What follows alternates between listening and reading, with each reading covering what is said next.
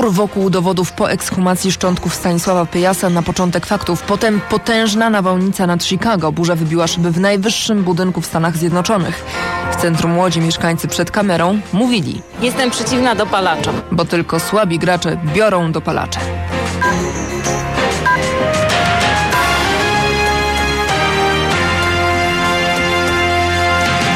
Dowody po ekshumacji szczątków Stanisława Pyjasa przedmiotem sporu. Zdaniem siostry i siostrzenicy zabitego ponad 30 lat temu studenta razem z kośćmi z grobu wydobyto dwa małe metalowe przedmioty.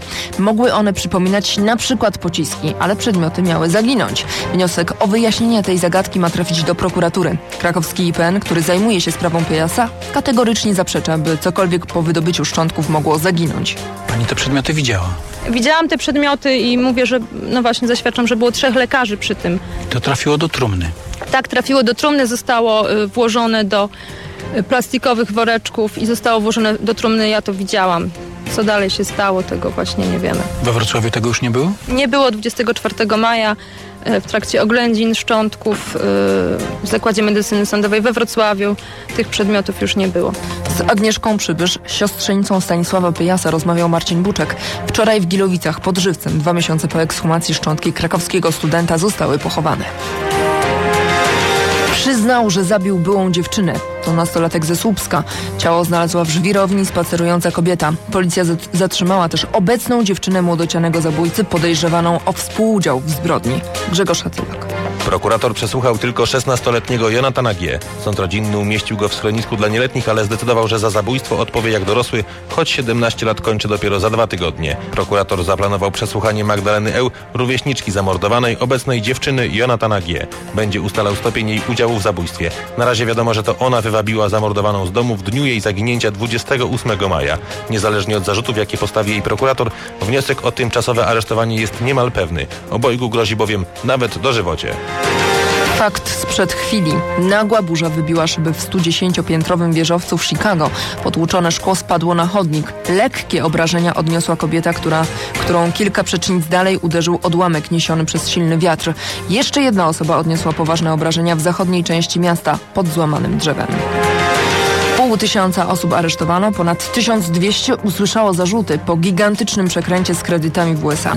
Straty wyniosły 2,5 miliarda dolarów. O szczegółach akcji z Waszyngtonu Paweł Żuchowski. To wielkie śledztwo trwało od kilku miesięcy. Eric Holder, prokurator generalny USA, ujawnił, że zatrzymań dokonano na terenie całych Stanów Zjednoczonych. Operacje prowadzono pod kryptonimem Skradzione Sny. Oszuści fałszowali dokumenty bankowe. Kredyty przyznawano osobom, których nie było na nie stać. Ludzie kupowali domy, po czym je tracili. Szef FBI przyznał, że w wyniku działalności kredytowych naciągaczy wiele osób straciło dorobek całego życia. Najłatwiej było im oszukiwać w tych stanach, które były najbardziej dotknięte przez kryzys. Między innymi w Kalifornii i na Florydzie. Prawie połowa papierosów, które trafiają na rynek bułgarski, pochodzi z przemytu. Analitycy z rządowego ośrodka oceniają, że straty w budżecie państwa w tym roku przekroczą 350 milionów euro.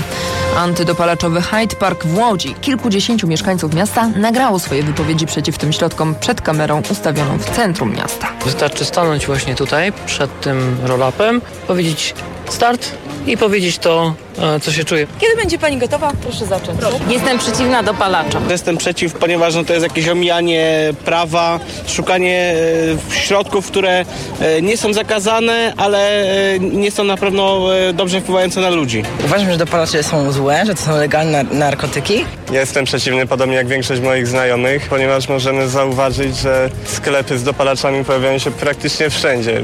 Rozpoczęta wczoraj akcja organizowana przez miasto potrwa tydzień. Wypowiedzi zostaną połączone w klip i umieszczone w internecie. To część kampanii społecznej magistratu. Tylko słabi gracze biorą dopalacze. Radio, muzyka, fakty. RMF FM.